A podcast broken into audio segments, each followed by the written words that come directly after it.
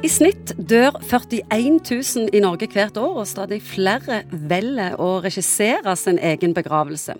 De går inn på nettsida til begravelsesbyrået og forteller nøyaktig hvordan de vil ha det. Valg av sang, kiste, lokale, prest eller ikke prest osv.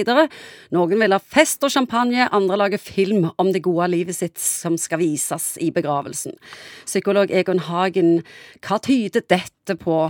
Dette er vel en sånn typisk eh, problemstilling som kommer opp, for sekulariseringen har gått sin gang. og Før var jo dette overlatt til presten og de som hadde greie på sånt, til å ta regien på dette. Og nå har vi i mye større grad tror jeg, et behov for å regissere denne delen av livet vårt. Hva skal en begravelse være, tenker du? Ja, hva skal det være? Altså, det har jo, Historisk sett så har det vært veldig mange forskjellige ting. Bare tenk den panikken folk hadde tidligere for å komme i feil jord, og presten var der ikke, og så regnet du med at da var det meste kjørt egentlig for det neste livet. Jeg tror på seremonier. Jeg tror på en måte det å markere ting. Og så vil vi sikkert gå inn i ei framtid hvor disse tingene får et mye mer individuelt preg enn det de har hatt tidligere.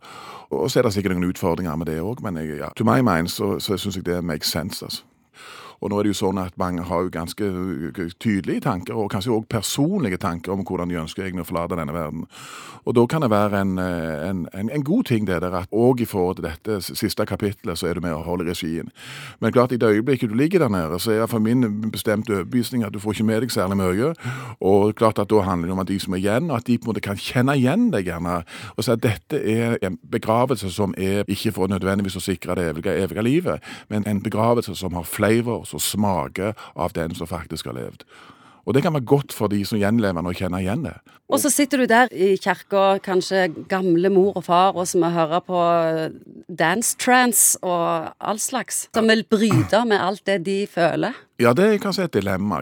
Der er vi musikalske, tror jeg, eller må, må liksom justere litt på kløtsjen noen enhver, sånn at det blir Og sånn tenker sikkert folk òg, at det ikke blir for outrert, altså at det ikke blir poledance under begravelsen fordi at du syns det er interessant.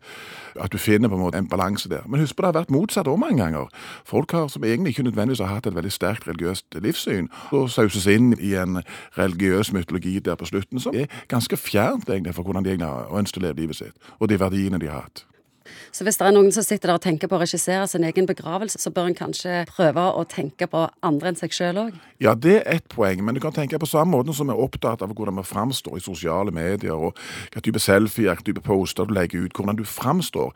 Så kan jeg godt tenke meg at vi tar med oss dette ønsket òg om å ta hånd over uh, hvem vi er, og i denne siste fasen av livet.